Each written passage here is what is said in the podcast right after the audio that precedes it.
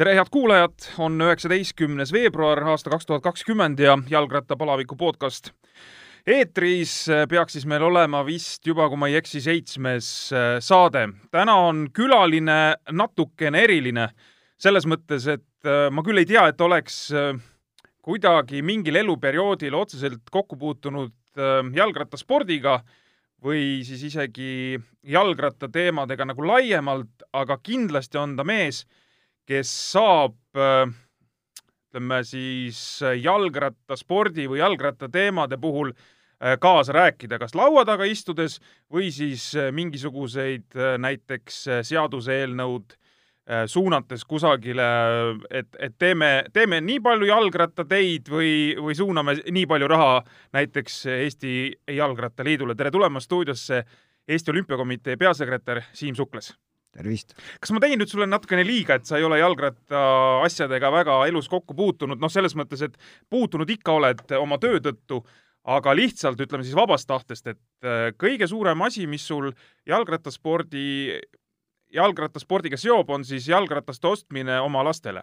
ei, ütleme, et see on ka tehtud ja juba mitmes ratas on lastele ostetud, aga ma olen siiski läbinud ka Tartu rattamaratoni.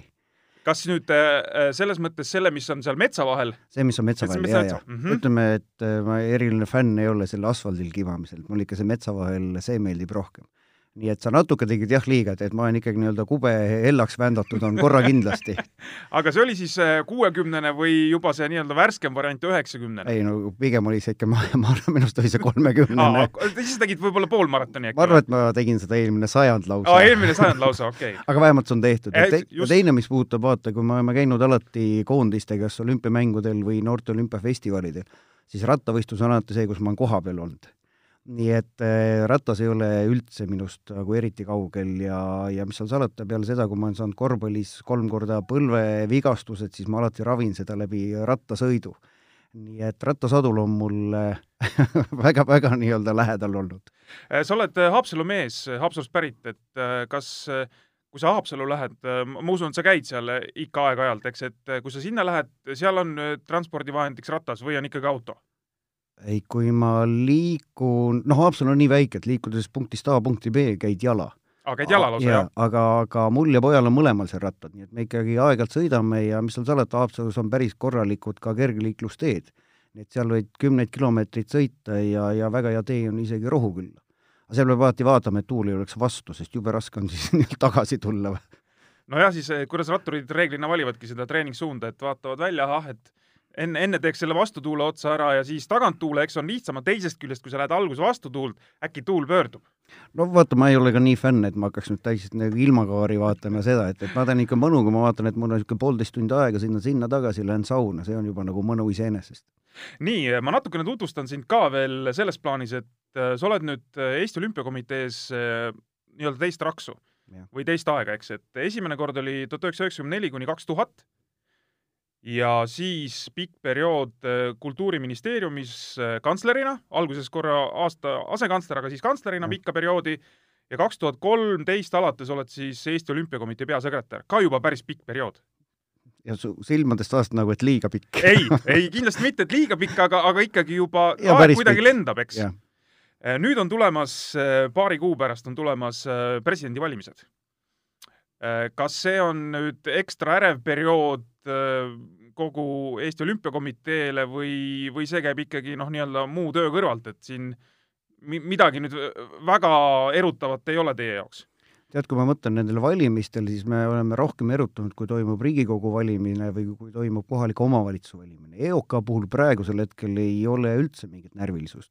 sest kui me mõtleme ka, ka kahele või kolmele kandidaadile, siis on nad ju kõik nii-öelda spordiinimesed ja ega EOK ei ole niisugune väike kiirkaater, et sa saad kogu aeg nii-öelda muuta seda, on ju, ta on ikka nagu väl-, välja kujunenud niisuguse väga hea, väga hea tempoga liikuv organisatsioon, et äh, mõlemad äh, presidendikandidaadid, noh, kes, kes on praegu nagu tummisemad, ütleme nii, nii Urmas kui Tõnu, on ju meiega koostööd teinud ja ma tõesti tunnistan, et me ei mõtle niisugusele asjale küll mitte iga päev.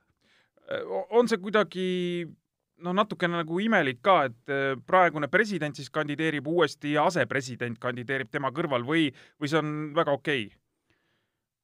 ma arvan, et võib-olla nii-öelda võib mõnel tekkida nagu küsimus, et kas neil on omavahel mingi konflikt või mitte, aga, aga nad saavad siiamaani väga sõbralikult läbi ja, ja, ja viimane kord, kui ma neid nägin, olid nad tõesti väga sõbralikud.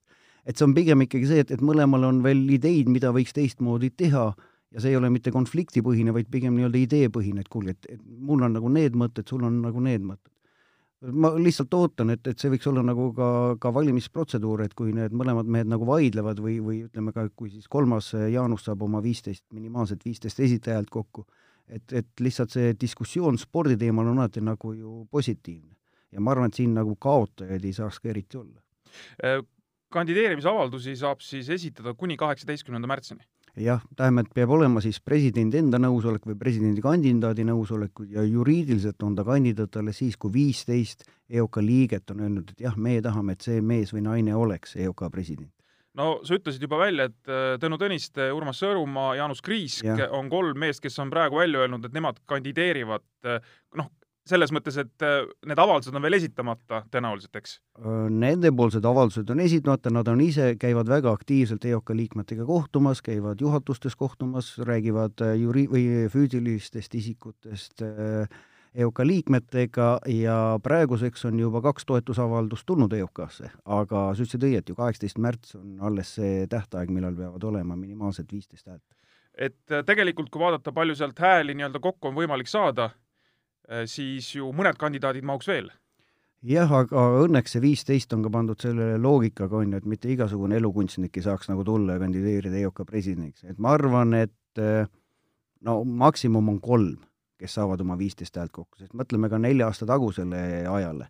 et kandidaate, kes olid ju stardijoonel, oli, oli hoopis rohkem. rohkem ja neid jutupaunikud, kes tahtsid ka hirmsasti saada, oli veel rohkem. aga lõpuks olid ikkagi viieteistkümne häälega olid ainult kolm kandidaati ja praegu siis äh, need persoonid, kes on teada andnud, et nad, et nad tahavad kandideerida, kuidas sulle tundub, et nemad oma, oma siis toetushääled saavad kokku? no loodame, sest no nagu ikka, et, et kui on demokraatlik protsess ja, ja nagu ma ütlesin, mulle iseenesest meeldiks, kui käiks niisugune väga kõrgel tasemel spordidiskussioon, see on kindlasti kolm alati parem kui kaks, siis on ka valikuvõimalust rohkem. ega Urmas Sõõrumaa šansid on ikkagi selgelt vist kõige suuremad, et siin kui nüüd äh, ikkagi vaadata seda perioodi neli aastat, kaks tuhat kuusteist äh, ta nii-öelda presidendiks valiti, seal oli väga dramaatilised valikud, kõik teavad seda kindlasti, et äh, ega üht-teist on ju ära tehtud ja, ja midagi ju väga ette heita ei ole, et kuigi jah, siin mõningased teemad nagu on, et kus võib-olla oleks võinud ennast selgemini väljendada, aga, aga nii-öelda üldises plaanis ju on ikkagi asjad läinud ülesmäge ega see ongi alati ju raske olemasoleva presidendi vastu või olemasoleva mis iganes ameti ametiisiku vastu kandideerida, kui ei ole nagu suuri prohmakaid ja sa ütlesid õieti, et ega selliseid professionaalseid või spordi, spordist lähtuvaid prohmakaid ei ole. tõesti võib mõnikord nii-öelda diskuteerida mõne sõnakasutuse või mõne lause üle, aga kui sa vaatad nagu suurt pilti, siis jah, ega midagi on raske ette heita, ehk, ehk raske on teda rünnata alaliidud on rahul, te peaksite alaliitudelt ka selles mõttes tagasisidet saama. Teie, ütleme nii-öelda kõige tähtsam on, kuidas alaliidud rahul on, et sealt ju tuleb ju lõviosa hääli, et äh, kui alaliit on rahul, siis, siis on no, ju kõik hästi või? Ivar, näita mulle alaliitu, kes on rahul ei no selles plaanis rahul, et noh, ikkagi just, et asjad lähevad lihtsalt nagu ülesmäge, mitte ei lähe allamäge. ei, seda küll jah, et, et ütleme, et äh, võid alati diskuteerida, on ju, kas, kas nii-öelda edasiminek on aeglane või kiire aga ma küll jah, väidan, et seda ei saa öelda, et neli aastat või kuus või kaheksa aastat oleks nüüd toimunud nagu tagasiminek või mingi katastroof, kindlasti mitte. aga noh, sa tead, eestlane on see, et tahaks nagu, et kui minnakse juba kolmanda käiguga, tegelikult tahaks juba neljanda käiguga minna ja no võiks veel rohkem ja veel kiirem tulla. et see on pigem nii-öelda, ma arvan, et ei teki isegi probleem mitte selles kiiruses, vaid pigem nii-öelda kas uutes ideedes või mitte. ehk et kas see elu on nii palju muutunud, et me peame ka midagi muutma me jõuame õige pea spordiseaduse muudatuste juurde, mis äsja Riigikogus vastu võeti, aga kõigepealt ma tahan küsida, et kui head partnerid üldse alaliidud on Eesti Olümpiakomiteele selles mõttes, et kui, kui palju alaliidud nagu jaksavad, et ütleme, teie näete, et nad võiks teha seda, seda, seda, aga see võib-olla see mehitatus või see inimeste arv, palju seal alaliidus on, ei võimalda neid kõiki asju teha, et kas alaliidud nagu selles plaanis ka kuidagi ikkagi nii-öelda arenevad, lähevad edasi, aga, aga et neid uusi inimesi sinna võtta, on jälle rohkem raha vaja, eks vaata, see on tegelikult üks selline probleem, mis ei ole nagu eriti seksikas avalikkuse jaoks. et kui me räägime ju, me ju räägime tegelikult ametiisikutest, noh, nii-öelda positiivses mõttes spordihulludest või spordikoordinaatoritest. ja, ja ma arvan, et see on Eesti spordi teine-kolmas probleem, aga seda ei taheta eriti tunnistada. sellepärast, et kui me mõtleme, meil on ju hästi palju ühe peasekretäriga alaliite ja ootus alaliidul on see, et ta tegeleks strateegiaga, igapäevase tööga, noortega, juunioritega, täiskasvanutega, seenioritega, oleks rahvusvaheliselt aktiivne ja suudaks lobeerida Eestis. tegelikult on see nagu nonsenss. et Eestis on, on circa viisteist alaliitu, mis on nii-öelda A-kategooria alaliidud, sest nad suudavad seda teha, neil on teatav hulk raha, neil on management nii-öelda paigas. ja hästi palju niisugune ikka väga nukraid alaliite. ja mis seal salata, see inimene võib olla ju väga hea, aga noh, siin me jõuame tegelikult selle MTÜ nii-öelda seaduse ja kogu selle mõtte juurde, et kui sul on ikkagi juhatus, kus on äh, klubide esindajad, kes ütlevad, oot-oot, ühtegi lisasenti me ei pane siia nagu kontorisse, vaid kõik tuleb panna kuskil laagritesse, siis tegelikult sellega tapetakse ju teatud asjad ka, ka alaliidu arengus. et ma arvan, see on üks nii-öelda suuremaid probleeme, aga, aga mida mina võin öelda näiteks kuue aastaga, nagu teada, siis EOK teeb iga kuu, teeb infotunni kus siis osalevad alaliitude tegevjuhid. Äh, alles eile oli? eile oli, täpselt. ja nüüd kuue aastaga on küll see, et äh, rahvas, kes tuleb seda kuulama, on, on peaaegu kahekordistunud, et järelikult nii-öelda tasub seda EOK infotundi siis kuulata.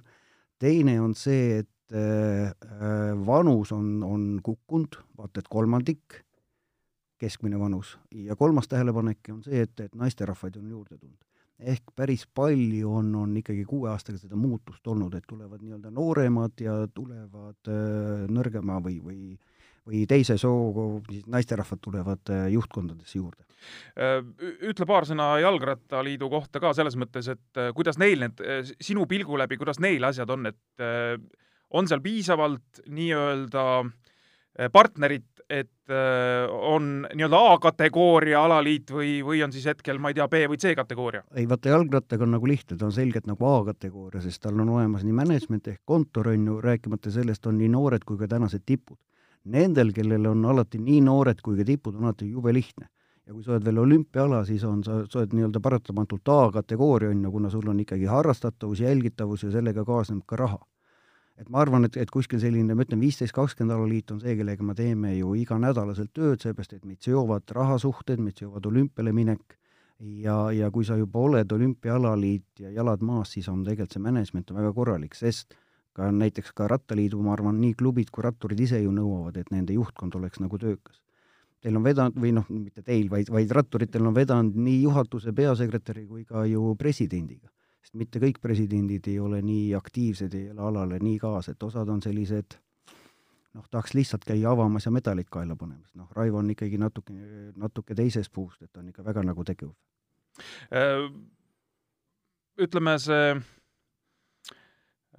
mul korra mõte jooksis kinni, et äh, aa, ma tahtsin kiita äh, Eesti Olümpiakomiteed selles mõttes, et äh, äh meil on kaks olümpiakohta tähendab, ratturitel on praegu kaks olümpiakohta, loodetavasti tuleb veel juurde, et siin on see võimalus veel olemas, aga maanteeratturitel on kaks olümpiakohta ja kuna on oht, et äh, nii Rein Taaramäe kui Tanel Kangert sõidavad Tour de France'i ja sealt otse tuleb minna Tokyosse, kus siis äh, muide juba olümpiarõngad on avatud, juba äh, ütleme siis oodatakse ikkagi külalisi sada viiskümmend päeva või midagi sellist on umbes olümpiani jäänud, eks, või sada viiskümmend viis. et äh, olümpiakomitee leiab vahendid et lennutada need mehed sinna viimasel hetkel niimoodi, et nad saaks öösel lennukil või ütleme, saaksid lennureisil magada. et see on nagu, see on nagu ülisuur asi minu, minu meelest, et sportlased näevad, et nad on vajalikud, mitte niimoodi, et kuule, mehed, et äh, vahet ei ole, tulge kuidagi sinna kohale, äh, tullakse teile sinna lennujaama vastu, teil on mitu päeva selle sõiduni veel aega ja, ja küll selle ära sõidate, et siin on ikkagi näha, et, et saadakse aru, et mida reaalselt sportlasel nagu vaja on tead, me oleme võtnud EOK-s vastu sellise otsuse juba aastaid tagasi, et need sportlased, kellel on võimalus püüelda kõrgetele kohtadele, nemad saavad meie käest ikka täisteenuse. ja, ja kui me oleme näiteks suhelnud oma, oma välisriikide kolleegidega, ega nad vaatavad ikka väga suurte silmadega meile otsa. et noh, mu lemmiknäide on alati, kui ma ei eksi, oli siis Valgevene peasekretär, kui me arutasime, et, et kuidas sportlased jõuavad olümpiamängudele ja me ütlesime, et noh, kelle toome ära siis nagu Pariisist, kelle toome Saksamaalt et siit nüüd vaatama, et saaks jube kiiresti Helsingi kaudu, siis ta vaatas mulle suurte silmadega otsa, ütles, nalja teil või, meil on Minskis kolmapäeval kell kolm lennuk, oled pardal, sõidad, ei ole, ei tule. et, et tegelikult see, mida sa ütlesid, me oleme kuskil, ütleme, Tokyo mõistes viieteistkümne, kahekümne sportlasele teinud selgelt rätsepaülikonnad. sest ma ütlen veel kord, EOK töö iseenesest lõpeb ju seal, kui käib stardipauk. kuni selle ajani on, on see sportlase kõik see ettevalmistus ikkagi meie peal isegi mitte sportlik ettevalmistus, vaid see, et tal ei oleks ühtegi mure et noh, siis kui pauk käib, ei suuda meie enam nagu midagi aidata, aga me peaksime ikkagi need viisteist, kakskümmend viima sinna nagu ilma igasuguste muredeta. ja kui ta tõesti tahab sõita nii-öelda selles klassis, kui ta tahab sealt tulla ja kui tal on vaja kollast kotti just, siis ta saab ka selle kollase koti. aga ma ütlen, me ei suuda seda kõikidele teha, me suudame seda teha nendele, kes meie arvates võiksid kõrgeid kohti püüelda. Äh, spordiseaduse juurde minnes nüüd siit selle jutu pealt, äh, spordiseaduses pallimängualad Äh, ei ole nii hoitud, nagu sa praegu rääkisid, et olümpiamängudele noh, teatud sportlased saavad absoluutselt kõik, mis nad põhimõtteliselt nagu vajavad ja tahavad, siis selles spordiseaduses nii-öelda spordi või sportlaste stipendiumide ärakaotamine selles plaanis, et nüüd oleks võimalik kuidagi, mis ta siis meil siin ametlik spordiseaduse järgi nüüd on, et no, saaks sportlase toetust maksta, see vist on see, eks, üle mingi tuhat ükssada eurot, et äh, meie tippklubidele on see üüratult väike raha, no loomulikult alati on hea, kui mingi, mingi nii-öelda maksuvaba summa on. aga kui me räägime näiteks Kalev Cramost või kas või võtame nüüd praegu selle äh, Saaremaa võrkpalliklubi, kes siin ka üritab äh, head tulemust teha eurosarjades, et et kas sinna kuidagi mingisugust erisust ei, ei oleks saanud nagu juurde panna või, või see oli kuskil laua peal olemas, aga, aga lihtsalt ei läinud läbi? okei okay,, see on nüüd, nüüd hästi nagu pikk jutt, sest nagu sa mäletad, kogu see stipendiumite saaga sai alguse vaata et kolm aastat tagasi, mis oli nagu selgelt natuke selline anarhia ütlen veel kord, stipendium iseenesest ei ole saatanast, et see on nii-öelda nagu raudkujund. kasutati natuke valel otstarbel, eks? noh, natuke, natuke, natuke on nagu nagu, nagu väheke okay, öelda okay., aga jah, see on nagu, nagu kõigil on aru saada, on ju, tegemist on, on jah, nii-öelda teatud klubide äh, teatud alaliitude osade klubidega ja kui me nüüd hakkasime tegelikult koos Kultuuriministeeriumiga seda muudatust ellu viima, koos Maksu- ja Tolliametiga ja see oli, hästi palju inimesi oli kaasatud siis tegelikult on ju meil täpselt teada, kui palju iga sportlane saab nii stipendiumi või nii-öelda muid vahendeid. Äh, neid, keda nüüd lööb see uus seadus, on tegelikult kaheksakümmend inimest. ja see, kelle jaoks see nii-öelda asi läheb paika, neid on nii-öelda tuhandeid. ei, ma olen nõus. ehk selles suhtes äh, ja sealt me siis jõudsime, on ju, et Eesti sport on nii väike, et hea küll, võtame siis nii-öelda rätsepülikonna ette isegi praegusel hetkel, kui siis valitsus oli selle seaduseelnõu heaks kiitnud ja Riigikokku saatnud, siis me püüdsime Riigikogus veel natuke nii-öelda arutada seda teemat, et, et kas oleks võimalik seda lage tõsta. aga noh, me peame alati aru saama, et ega, ega korvpall ei ole nii-öelda spordist lahutatud või jalgpall ei ole spordist lahutatud. sport ei ole lahutatud Eesti riigist ja mittetulunduslik sektor ei ole lahutatud ka nii-öelda, ma ei tea, kaubamaja müüjast ehk et me peame alati nagu seda vaatama, et olles küll spordikatusorganisatsioon, me püüame leida nagu parimaid vahendeid. aga noh, selge see, et sa ei saa nagu päris öelda, et, et nendele nii-öelda välistööjõule, kes mängivad kuskil Euroopas, neil on erireegel. et noh, see ei ole ikka nagu, nagu tänapäeval. aga, aga veel kord ma ütlen, et, et see on nii-öelda raske kindlasti ühele lahele klubile aga kui meil oli viimane kohtumine siis pallimängualade peasekretäridega, siis ega ei võrkpall ega jalgpall ei olnud eriti murelikud, sest nemad on üle läinud stipendiumite pealt juba palkadele juba, juba kaks aastat tagasi. et jah, nüüd ütleme, korvpallis oli see nii-öelda see viimane, et, et saaks äkki kuidagi veel nii-öelda mingi erisuse, aga ma ütlen, no see ei ole see erisus, mis sobiks nagu meie õigusruumi no üks asi on vaata see, et äh, nii-öelda välismängijate siia toomine, ütleme, kallid välismängijad äh, tahetakse, no mis tahetakse, sa ei saagi teda muidu kätte, kui sa pead mingi teatud palganumbri neile maksma, see on üks asi. aga teine asi on ka see, et kui me tahame oma head mängijat, kes ongi selles nii-öelda avatud turumajanduses äh, teatava palganumbriga mees ja kui me teda tahaksime koju tuua, ka suure raha eest, sest me väikse eest ei saa teda siis me ka praegusel hetkel ütleme, see eri või, või see nii-öelda maksusoodustus, see väike, see, see ei aita nagu sellele kaasa, kuigi me võib-olla tahaks teda siin nagu mängimas näha. Kalev Cramo mängib äh, VTB liigat mingite kõvade satside vastu.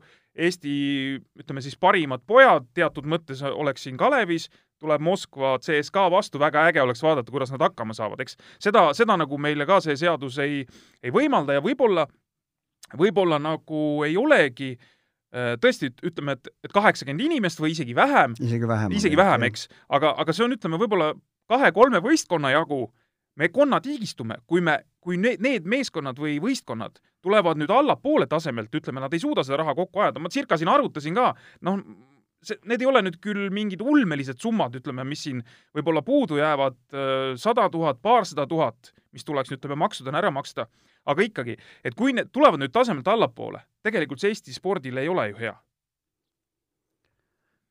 vaata, ma ütlen veel kord, seadusemuudatust ei saa teha nii-öelda kolmekümne, viiekümne, kaheksakümne inimese peale, sest tegelikult sina ja mina läheme Estoniasse, tahaks ERSO-s ka näha nagu ei, väga hea. head nii-öelda viiuldajat ja miks siis nii-öelda muusikud ei saa seda, seda nii-öelda soodustust. vaata, pigem on ikkagi see, nagu ma ütlen, et, et teatud nii-öelda elud kogu aeg muutuvad meie ümber, ehk järelikult tuleb teha nii-öelda teistsuguseid otsuseid. Võib-olla tuleks hakata rohkem nii-öelda tegelema pealtvaatajatega ja fännidega sest seal lebab see raha. sest ma ütlen, me ei ole keegi ju nii sinisilmsed, et arvame, on ju, et kuskil on nagu sponsorid ukse taga, kes tahavad nagu miljonit tuua, ei, ei ole seda. kui me mõtleme lihtsalt nii-öelda välismaa klubidele, jätame nüüd selle nii-öelda vahe, on ju, et, et seal on nii-öelda kümneid kordi rohkem inimesi, siis ikkagi nii-öelda see fännlus, see nii-öelda toodab. ja kui me tõmbame paralleeli näiteks, näiteks jalgpalliklubidele, on ju, siis kui sa mõtled, on ju, et, et jalgpall tegi, tegi juba aastaid tagasi selle reegli, et sul igal klubil, kes on meistriliigas, peab olema oma noortesats ja sealt tekib tegelikult nii-öelda see ust, klubi ustav äh, vaatajaskond, kes ostavad oma sallid, äh, piletid ja kõik asjad, siis ma ei ole nüüd päris kindel, et, et ma teaks nii-öelda Kalev Cramo noortekoondist, välja arvatud see, et võeti üks nii-öelda noorteklubi ja pandi sinna silt juurde. Et ma ütlen, et äh, asjad nagu muutuvad väga, väga nii-öelda kiiresti ja sellele tuleb reageerida, et noh, seadusemuudatus oleks muidugi kõige lihtsam, noh veel lihtsam oleks see, kui riik annaks jälle nii-öelda viis miljonit juurde, nagu, nagu kakskümmend aastat tagasi. noh, nii lihtne see enam ei ole, sõbrad Ehm, ja selles mõttes ma olen sinuga täiesti nõus, et, et nii-öelda see teine, teine koht, kus kohast või kolmas koht, kus kohast oleks võib-olla võimalik ka teatavad summad võtta, seesama see pealtvaatajad ja, ja nännimüük ja kõik see muu asi, et see on, see on ikka täielikult lapse kingades, see on, see on täiesti kasutamata. kui, kuigi ma ütlen veel kord, ega seal ei leba ka nagu sadu tuhandeid, on ju, aga kui me räägime nagu pikka jooksu, noh, ma ütlen, võime alati ka vaielda, on ju, kas Tartu Rock tegi õieti, et hakkas üliõpilastega mängima. aga mulle tundub, on ju, et mulle siiski meeldiks nii-öelda oma tänava poissi seal rohkem näha noh, äkki see nii-öelda pisikut, nii-öelda spordipisikut nagu, nagu külvab rohkem. teistpidi on selge, et kui sa tahad Žalgirisega mängida, siis nii-öelda naaber, noh, naabri tänav poisiga ei vea seda välja. et see ongi natuke niisugune strateegiline valiku koht ja ega siin on ka koht ju tegelikult ka Korvpalliliidul. et kui sa tahad, et meil oleks selline üks klubi, kes, kes toob nii-öelda saali äh, täis rahvast, siis võib-olla ka liit peab sinna panema, aga see on selgelt nii-öelda korvpallipoliitiline või võrkpallipoliitiline otsus. millal juhtub see Eestis, et äh valitaksegi välja kümme ala. see on olnud juba ei, ma mõtlen selles mõttes, et valitaksegi välja ja need alad siis, keegi ei tulegi kurtma kunagi, et meil oleks raha vähe, et et kõik suunataksegi, noh, põhi, põhi, mitte kõik, aga põhimõtteliselt suurem osa. statistika näitab väga selgelt. et meil on olemas need neliteist, neliteist alaliitu saavad kogu nii-öelda riigi avaliku sektori rahast seitsekümmend viis protsenti. ja see on juba aastaid olnud ja, ja mis on nagu viimase aasta tendents, on see, et, et kuna raha jagatakse spordis jube lihtsalt, mis tähendab see, et jagatakse ausalt ehk tulemuste põhjal.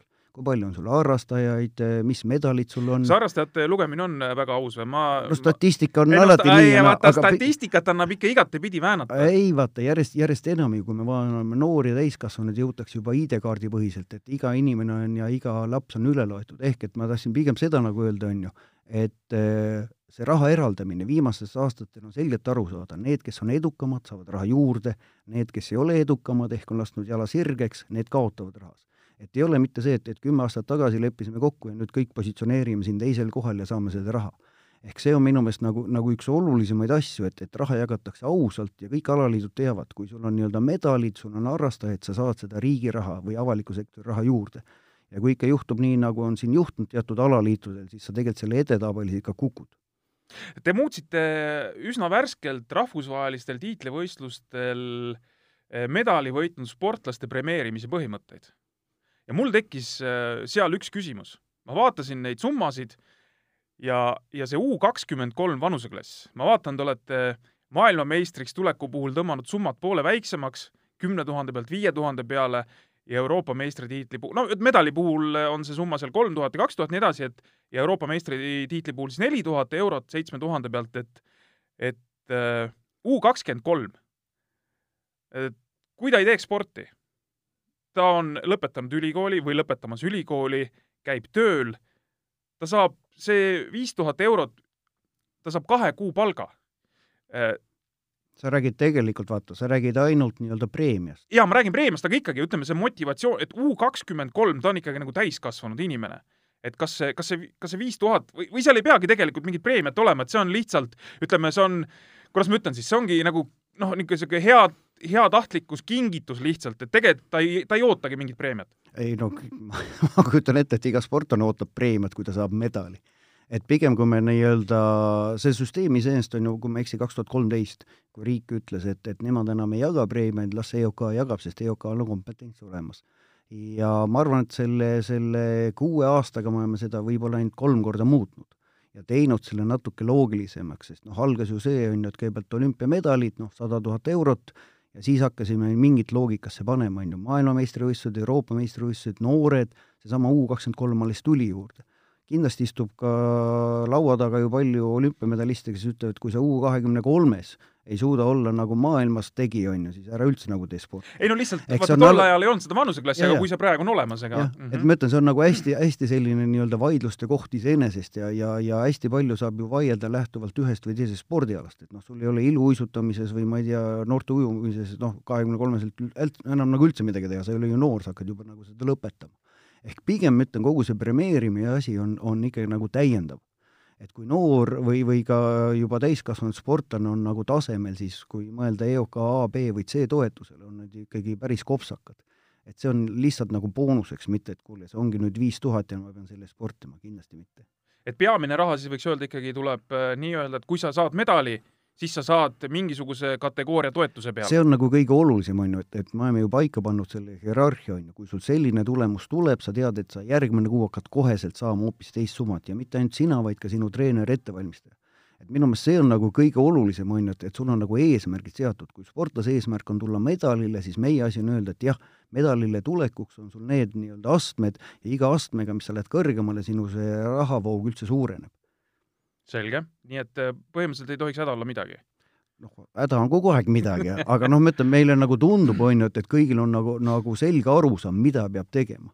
et ma ütlen, need ajad, mis olid nagu vanasti, et kes nagu paremini küsis või, või, või röökis kõvemini, see sai, et need on nüüd õnneks jäänud kõik sinna eelmistesse kümnenditesse äh, tuleme nüüd natukene jällegi rohkem tagasi jalgrattaspordi juurde. vaata, tundub, et jalgratta, rahvusvaheline jalgrattaalaliit UCI on siis äh, minemas seda teed või, või üritab kavalalt minna seda teed, et haarata suurt raha äh, kahelt poolt olümpiamängudelt, nii suveolümpialt, kus ta juba praegu on hästi pildis ja, ja saab oma asjad kätte, aga tahab minna ka taliolümpiale. Äh, see ei ole kindlasti nüüd, ma ei tea, järgmise olümpia teema, võib-olla heal juhul, ma ei tea, aasta kaks tuhat kakskümmend kuus näiteks, aga võib-olla veel hilisem. aga nad tahavad tsüklokrossi Äh, viia olümpiaalaks, taliolümpiale siis, aga seal peab olema kokkupuude kas lume või jääga. vist on äh, selline tingimus, et muidu seda ala nii-öelda sinna kavva ei võeta. ja nad on viinud järgmise aasta maailma karikasarjas ühe etapi Šveitsi mägedesse, suusakuurortisse, et sõita see lume peal. kui tõenäoline võiks üldse olla variant, et jalgrattasport jõuab taliolümpiamängudele? Seda on ju siin Eestis jube raske nagu ennustada, mida ROK otsustab, pigem kõik need nii-öelda trikitamised või need mõtted näitavad seda, et, et olümpia on endistviisi nii-öelda parimatele parim koht, mille poole kõik püüdlevad. et see jutt, et olümpias ära hakkab kaduma, et, et no minu meelest see ei päde, ei ole kunagi pädenud ja ei hakka ka tulevikus nagu pädema äh,. iga alaliit, rahvusvaheline alaliit, tahab ju alati oma positsiooni nii-öelda parandada ja kui me juba praegusel hetkel mõtleme ju suveolümpiamängudele, siis nende päevade jooksul, kui ma ei eksi, siis keskmiselt kolmkümmend kuus või kolmkümmend viis olümpia- või kuldmedalisti tuleb iga päev. no see on ju selge, et, et noh, neid ei teata ja tähelepanu hajub. järelikult on ka igal alal see mõte, et kuule, et läheks nagu taliolümpiale, kus on vähem neid medalialasid, ehk saada nii-öelda rohkem seda tähelepanu. ja raha on ka kindlasti mängus, eks?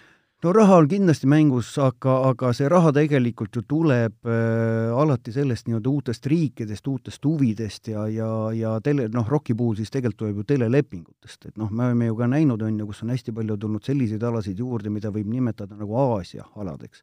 sellepärast et Aasias see vaadatavus on suurem, sinna on võimalik rohkem seda telepilti müüa ja, ja teistpidi me ju teame, et kõik alaliidud näevad tohutult vaeva, et mitte välja kukkuda olümpiakavast ja sinna sisse saada et UCI inimestel on kindlasti, ma arvan, isegi mitte nagu raha mõttes, vaid ka kindlasti esimene asi on see tähelepanuvajadus.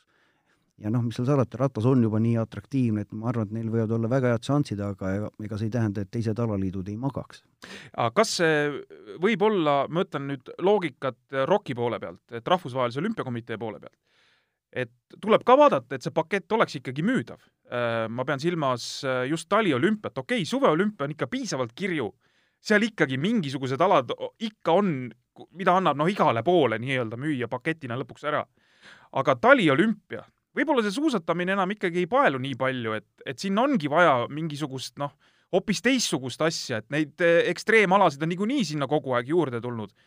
aga, aga otsitakse ka nende poolt äkki, et mis, mis oleks, kui teeks mingi sellise üllatava käigu ja, ja, ja just seesama, et nüüd me, meil on paketis mingisugune trump juures, et me saame neid teleõigusi paremini müüa no kui me vaatame neid taliolümpia vaadatavuse numbreid, siis nagu TV vahendusel vaadatavuse numbrid on kõik tõusevad kui me nüüd mõtleme taliolümpiat ja need isikud, kes on nagu raja ääres olnud, siis seal on neid tühju laike päris palju olnud. et taliolümpial on tegelikult ju väga selge, seal on ainult nii-öelda kolm, kolm või kaks-kolm spordiala, mille ümber see käib. et see on kindlasti iluuisutamine, see on kindlasti hoki, noh, seda enam, kui hokis on veel NHL-i omad, on ju, Pyeongchangis ei olnud, aga, aga need on alati nagu need võistlused, kus on nagu, nagu täismaja, kindlasti on alati suusahüpe sest see on juba inimlikult nagu väga lahe, et keegi on võimeline lendama sada viiskümmend või sada kakskümmend meetrit, on ju. aga ma arvan küll, et ma ütlen veel kord, äh, ROK-i president on öelnud ju, Toomas Pahk, kui ta sai positsioonile, on kuldsed ausad, on ju. et me peame muutuma või maailm meie ümber muutub sõltumatu meist. ehk seesama asi, et, et sa pead tähelepanu suutma hoida igal võistlusel, olgu siis see suvi või tali. ma arvan, ROK ju sellega kogu aeg nii-öelda toimetab. Teine reegel, mis neil on, on väga selgelt, see ei tohi minna nagu üüratult kalliks ta peab olema nii-öelda rahaliselt eh, mitte odav, vaid ütleme, rahaliselt mõistlik, rääkimata siis loodushoiust. ehk kindlasti ei hakata tegema ja võtma selliseid spordialasid, mis nõuab nagu tohutult betooni panemist. et selle kõrval on ju, kui me räägime tsüklokrossist, võib ju täitsa olla, et sul on ju looduslikud mäed olemas või looduslik lumi on olemas, sa teed ainult sinna nii-öelda pehmendused äh, karmidesse no kohtadesse. Neid radu on väga lihtne teha ja, ikkagi. ja, ja teistpidi ma arvan, et on ikka päris huvitav, eks teda jälgida, on ju, kui me, kui me ju mõtleme, et me praegu ju suudame teleekraanilt jälgida isegi orienteerumist, noh, mida kümme aastat tagasi tundus nagu napakas, et kes see vaatab siis orienteerumist. ta on nagu ka, isegi orienteerumine on tehtud nii ägedaks, kuigi nad müttavad kuskil metsas et noh, rääkimata teha teha see rattasõit eh, kuskil mägedes atraktiivseks on kindlasti olemas. ehk pigem on hea, ma ütlen, eh, ROK-i suund on, on nüüd ikka viimastel aastatel on selge, et võtame, võtame need alasid, mis, mida rahvas harrastab ja mida rahvas vaatab, ja noh, seal siis kolmas on see, mida on võimalik siis ka nagu turustada, sest iseenesest olümpiamängud ei ole ju lihtsalt nii-öelda võidu peale, vaid see on ka hästi suur ka selline nii-öelda spordipropaganda, mis ta on ju propagandapidu kuidas Eestis selle spordipropagandaga on? Et äh, siin kas või sellesama kooli teemaga, mida ka Urmas Sõõrumaa nüüd ikkagi väga jõuliselt üritab ajada, et äh, mulle isiklikult tundub ja minu meelest on see ikkagi ka noh, päris paljude silmis, et meil ei ole piisavalt seda spordipropagandat selles plaanis, et isegi noh, neid kehalise kasvatuse tunde tahetakse kuidagi ära võtta või, või noh, ühest küljest me räägime, et liigume vähe või lapsed liiguvad vähe, kõik ütleme, võiks rohkem liikuda aga teisest küljest ma ei, ma ei näe nagu märke, et, et lastega nii noh, vajalikul määral siis nagu tegeletakse. no sa räägid nagu vana inimene praegu. Ei, ei, ei, ei, tegelikult selles mõttes, et lihtsalt kõik on õige, kõik ideed ei, on õiged ja see kooli koht on ka nagu õige, aga kui mul endal, ma, lihtsalt lihtne näide, mul äh, noorem poiss kolmandas klassis tuleb koju, üt-, äh, mingi tunniplaani muutus oli just äh, noh, siis ütleme veerandaegade kaupa või mis iganes neil täpselt muutuvad selleks ja ütleb, et mul ei ole kolm nädalat kehalist kasvatust, neil on ujumine praegu, aga ta tegi oma ujumise ära, selles mõttes, vaat seal on, et kui sa need mingid asjad ära teed, ujud seal basseini pikkused ära, siis sa ei pea seal käima. ja ta tuleb koju, ütleb nukral häälel, et mul ei ole kolm nädalat kehalist kasvatust. okei okay,, see on, ma arvan, nii-öelda kooli, koolipõhine mingi erand. kui me tegelikult praegu vaatame, kui, kui palju tegelikult lapsed liiguvad, no isegi statistika, noh, me võime alati vaielda statistika üle, tegelikult nii-öelda rahvas liigub selgelt vähe aga, aga kui me mõtleme näiteks ka, ka Tartu Ülikooli liikumislabori projekti peale, mis on liikuma kutsuv kool, mis nagu, nagu niisugune positiivne kuli, kulutuli läheb ühest koolist teise. kui me mõtleme nende noorematele kehalise kasvatuse õpetajatele, kes on koolidesse jõudnud, kellel ei ole ainult lihtsalt nii-öelda vile ja käsklus, on ju, kes nii-öelda suunavad need lapsed liikuma, ma arvan, see olukord ei ole üldse nii hull ja sealt edasi mõeldes noh, et kui koolipäev läbi saab, on ju, siis ju sekkume nii-öelda spordisüsteemina meie kui me mõtleme neid klubide arvu ja neid harrastajate arvu, kes klubis on, siis alternatiiv peale kooli on ka kohe olemas, ehk et kui sul on tekkinud mingi huvi, saad sa kohe minna nagu klubisüsteemi. aga ma ütlen veel kord, see on hästi palju koolides kinni et eh, siin me oleme rääkinud ju mitu korda Haridus-Teadusministeeriumiga, et, et noh, läbi oma sidemete ja positsiooni, et äkki me saame sealt midagi kaasa aidata, aga nad on öelnud alati väga selgelt, et see on hästi palju koolidirektori, kehalise kasvatuse õpetaja ja kooli omaniku ehk kohaliku omavalitsuse juhi nagu teema.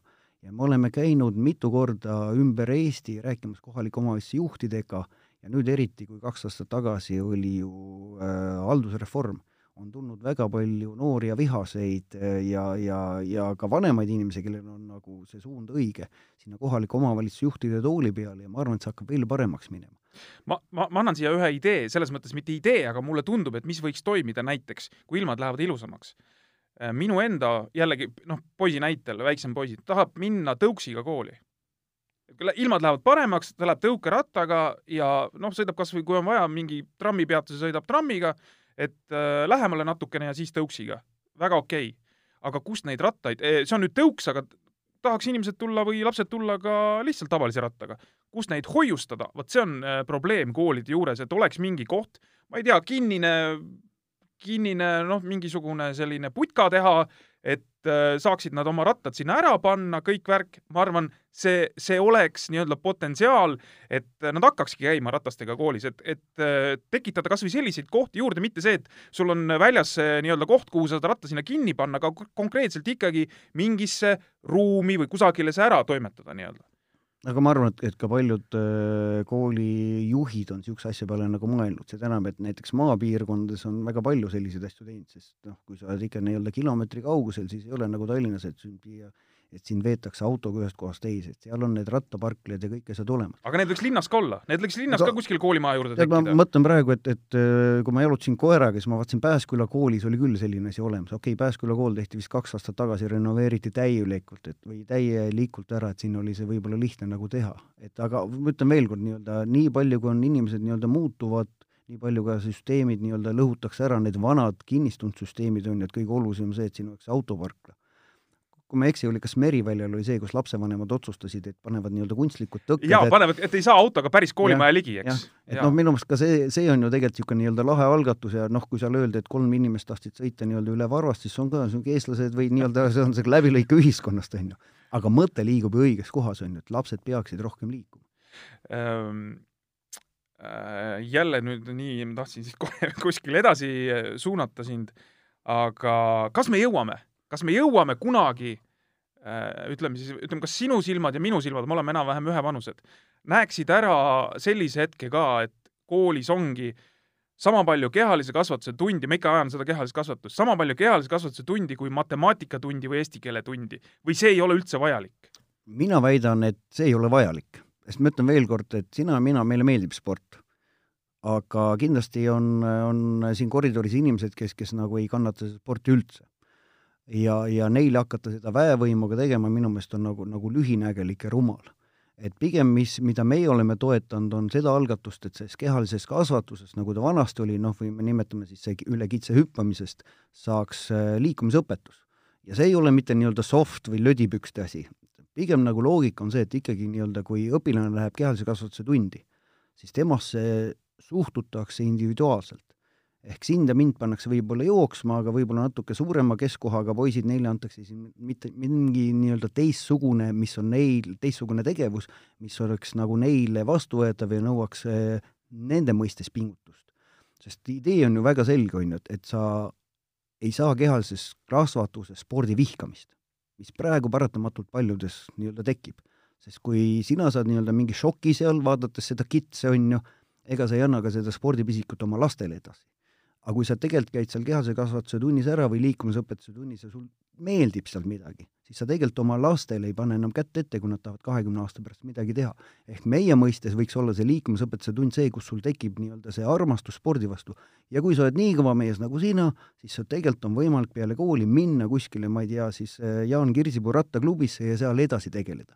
ehk et sa ei pea kõike seda asja saama nagu neli korda või viis korda nädalas koolis et alternatiivi on alati olemas, ehk et me pakume seda võimalust läbi oma spordiklubide.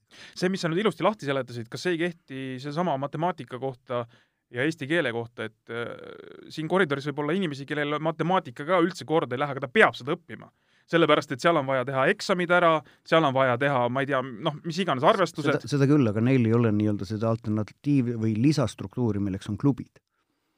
vaata, see on just seesama, on ju, et, et, et sa nii-öelda liikuma ikkagi pead, on ju, ja sul on siis võimalik mitte, mitte et sa depress-, depressiooni nagu satud sellest, vaid et sa nagu sa, sama mõnuga tuled et ühesõnaga, kes tahab sporti teha, see, see tehku koolist äh, mujal, mitte koolis seda? ei, ka koolis on, ma ütlen veel kord, vaata, kui, kui sa nagu loeks läbi selle liikumisõpetuse sees, on siis ühel, ühes nii-öelda semestris või ühel poolaastal tegeletakse kõik see, mis puudutab äh, nii-öelda palli. jalgpall, võrb, võrkpall, korvpall, sa saad igast ühest sellest nagu tunnetuse kätte ja noh, meie loogika on nagu see, et sa saad tunnetuse kätte, sulle meeldib, sa liitud nii-öelda spordisüsteemiga nagu edasi aga ma ütlen, see, see, see põhi, kõige põhilisem on see, et sa saad selles spordis selle tunnetuse ja sa ei hakka seda kartma. sest ma ütlen, no ma arvan, et kui sa loed ka paljude inimeste elulugusid ja nendega räägid, on ju, siis kõige õudsem tund, natuke ümaramalt teil oli see kehase kasvatuse tund, on ju ei kindlasti, ega, ega noh, need ongi nii-öelda erinevad inimesed, et mõnele sobib, mõnele ei, ei sobi ja eks ta nii jääbki. ega, ega me ei saa ka ju öelda, et kõik inimesed äh, hakkavad sporti tegema või liikuma kindlasti on inimesi, kes ei, kes ei tahagi liikuda ja ei ja, liigugi. ja ei peagi. aga noh, see, mis puudutab, ütleme, et ega ma ka võib-olla nagu füüsikat eriti ei kaifinud, on ju. et noh, paratamatult sulle mingid asjad meeldivad või mitte, on ju, aga ma ei vihka füüsikat. no väga tore äh,. Lähme korra, meil olid sel aastal juba ühed suured tiitlivõistlused äh, Lausanne'is, olid noorte olümpiamängud, taliolümpiamängud. Äh,. kas nende taliolümpiamängudega natukene devalveeritakse Äh, medalite väärtust. ma pean silmas seda, ma ei, ma ei heida mitte meie sportlastele mitte midagi ette, aga hoki ei olnud enam hoki. selles mõttes, et ei olnud riik riigi vastu, vaid oli no mingi segavõistkond, eks. iluuisutamine samamoodi, ei olnud nii-öelda konk-, noh, ühesõnaga jälle kõik segamini. et kas, kas ongi nüüd ikkagi mindud või minnakse seda teed, et ikkagi võimalikult palju tunneks asjast rõõmu Äh, et võimalikult palju oleks võitjaid, äh, kas siis nüüd noh, nii-öelda medaliste või mis iganes, et, äh, et selline positiivne mälestus jääks juba noortest peale, suurtelt võistlustelt, et see annab nagu innustust nagu asjaga edasi teha, et mitte ei tule nii, et ma lähen, no ühesõnaga, ma olen mingist riigist, kus tegelikult võistkonnaalane ei ole võimalik mitte midagi saavutada vaata, see on oluline, mitte see, et, et oleks rohkem nagu õnnelikke inimesi, kes saavad medalid, noh, see oleks nagu see, et anname kuldmedali kõigile teistele hõbedad, on ju. Kindlasti... no, no, no on olnud selliseid võistlusi, mitte spordis, aga mujal. jah, ütleme see Para-Eurovisioon oli, kui ma ei eksi, oli viimane selline. et, et, et kindlasti need noorte olümpiad ei ole mitte sellepärast, on ju, et saaks medalid juurde anda, vaid see, see sinu teine argument oli tegelikult õige et kui me isegi seda mõtleme, et Eestis ei oleks olnud võimeline välja panema hoki, täisväärtuslikku hokikoondist sellises vanuses, aga meil oli kolm head poissi, kellest kaks tulid ju medalile. ehk et see on, et, et nii-öelda ka väiksed riikidel, väikestel riikidel oleks võimalus pakkuda oma sportlastele teatud väljundit, seepärast tehaksegi nii-öelda need miks, miks nii-öelda võistkonnad. Ja teine on selge see, on ju, et kui sa vaatad nüüd seda, seda ühe või teise koondise koostist, seal on vähemalt nii-öelda kümnest riigist need noored ehk teine asi on ikkagi see, et nende omavahelist suhtlust veel kord nii-öelda kuidagi see friendship või seda nagu sõprust nagu, nagu suurendada. aga medalite devalveerimine, ma ei, ma ei arva, et see on nagu õige, selge, et, et see, need ei ole ju olümpiamängud. noh, olümpiamängud on üks ja ainus ja, ja, ja sinna äh, sinna jala, mille noh, kõik pingutavad, aga, aga see on ikkagi nagu püüdmatu suurus. ehk ma arvan ikkagi, et, et kõik need võist-, võistlused, mis puudutavad nagu noori, nende eesmärk on siiski anda esimene selline tunne sellisest multispordist, teistpidi anda võimalus osaleda väga heas konkurentsis ja kui siis nii-öelda õnnestub ka medal tuu-, tuua, siis noh, ma arvan, et see on nii-öelda nii inimesele või selle sportlasele, tema treenerile, rääkimata siis ka tegelikult ju riigile väga, väga hea boonus. ma saan aru, see vastukaja nii-öelda ütleme, rahvuslike alaliitude poolt siis äh, ROK-ile, noh just nende samade muudatuste osas on igati positiivne. no kõigi jaoks on positiivne, sest ma ütlen sulle veel kord, et, et, et kui oleks seal olnud ainult nagu täisväärtuslik nii-öelda hokiturniir, ei oleks seal ju Eestil kindlasti nagu asja olnud, aga praegusel hetkel ka ju rahvusvaheline hoki föderatsioon või hokiliit ju sai öelda, et näed, meil on ka nii-öelda siin osalejariik Eesti, on ju, ja noh, tuli välja, et nagu, nagu kuld ja pronks tulid ka veel koju ära. et ma arvan veel kord, ma ütlen, iga alaliitu tegelikult võistleb äh, nii-öelda tähelepanu eest. nii nagu, nagu meie, noh, kui me räägime EOK-st, on ju, et et ega EOK ei võistle EOK nimel, me võistleme tegelikult nagu spordi kui valdkonna nimel. ja me konkureerime noh, väga lihtsalt ju inimese vabale kaheksale tunnile ja taskurahale ja me konkureerime seda ju raamatutega, kinoga, mis iganes kohtadega. ehk noh, samamoodi ju alaliidud äh, konkureerivad nendele noortele, ehk et hakkaks tegelema just selle konkreetse alaga. aga sellise, selline nii-öelda formaat äh, suurele olümpiale ei jõua? no ma arvangi jah, et nagu ei peaks jõudma. ma ütlen, vaata, noortevõistlus alati annab nagu võimalust trikitada selliste nagu lahedate asjadega aga ma arvan, et suur olümpia ikkagi võiks olla natuke niimoodi nagu kon-, konservatiivsem. aga kindlasti mitte nii-öelda jäigalt konservatiivne ainult nii-öelda vanade aladega, mis oli sada aastat tagasi või kolmkümmend aastat tagasi. et nagu ma ütlesin, et, et ROK-i puhul on need mõlemad asjad väga nagu parlanksis. me oleme siin kolmveerand tundi umbes jutustanud, aeg läheb kiirelt, hakkame otsi vaikselt kokku tõmbama sa ütlesid, et Haapsalus on tegelikult neid kergliiklusteid päris usinasti ja päris hea on rattaga sõita, et ja ma saan aru, et sa vahetevahel ikkagi nagu liigud ka rattaga, et äh, võid sa kunagi veel tulla Tartu rattamaratoni starti näiteks või äh, sõidad läbi Haapsalu rattaralli või mm, ma ei tea, trikitad rattaga kuidagi teistmoodi? trikitan, ma arvan, et kui ma läheks nagu trikitama, siis mu arst helistaks mulle, et, et ta pani juba aja kirja põlve pärast ei, ma ei ole kindel, et ma nüüd tahaks osaleda nii-öelda võistlusel, sest noh, vaata mingil eh, ajaetapp on see, kus sa tahaks hirmsasti mõõta, et oled nagu naabrimehest kiirem ja parem, on ju. sellises vanuses, nagu meil on, on lihtsalt nii-öelda mõnus kulgeda. et, et eh, ma ei ole jah kindel, et ma peaks hakkama võidu sõitma. Äh, mingi oht on jälle olemas, et äh, tuleb rongiliiklus Tallinna ja Haapsalu vahel kuskilt on midagi räägitud. ja selles, ei, oota, oota, kuula nüüd lõpuni, selles mõttes oht, et et vaata praegu, kui sa lähed näiteks, näiteks Turba kandist, sa lähed selle raudteevalli peale. noh, tammi peale, jah. raudteetammi peale. sa saad sõita ja, ei mõnusalt. ei ole midagi igavamat, kui sõita mööda kümme kilomeetrit sirget tammi. ei, sa pead oskama ka seda nautida, et mõtle, kui sul on praegu see veel tegemata, ma tahtsin selle, sinnamaani jõuda, et kui sul on see tegemata, ükskõik, kas sa sõidad siis Haapsalust äh, Turbasse või vastupidi, et tee see ära, et ära, ära mängi saatusega, et äkki ongi mingi aeg jälle see rongliiklus seal peal, siis ei saa ma ei tea, kas ma nüüd viitsin niisuguseid sirgeid nagu sõita, mulle meeldib, ma ütlen, metsas on nagu huvitav, vaatad oravat ja vaatad juurt. aga ma ütlen, tegelikult on ju, mõtle positiivselt, noh, sõitsin täna siia stuudiosse, vaatasin, on ju viis kraadi veebruaris. mu naabrimees jookseb, teine naabrimees sõidab ratast, et noh, tegelikult on ratturid peaksid väga rõõmsad olema. ega ongi siin äh, selles mõttes äh, varsti saad aasta ringi, ütleme okei okay noh, ei ole ka sellise ilmaga, kui sul on märg ja see viis kraadi, noh, ta ei ole kõige mõnusam, olgem ausad, eks. aga põhimõtteliselt ikkagi saab sõita. saab. et selles plaanis äh, jah, juba tegevus äh, ka meie nii-öelda laiuskraadil vaata et aasta ringi. nii on. aitäh sulle tulemast stuudiosse, Siim, me põgusalt siis üritasime ka rattaspordi peale täna põigata, aga äh, tähtis oli just see nii-öelda üldine, üldine jutt Eesti, Eesti spordist ja võib-olla isegi natukene äh, laiemalt ja jääme siis huviga ootama viieteistkümnendat aprilli. kas siis äh, toimub midagi ekstraordinaarset või tegelikult läheb kõik nii, nagu arvatakse, et läheb? aga vaatame, mis tuleb. vaatame, mis tuleb. aitäh tulemast, aitäh kuulamast kõigile ja uus jalgrattapalaviku saade juba nädala pärast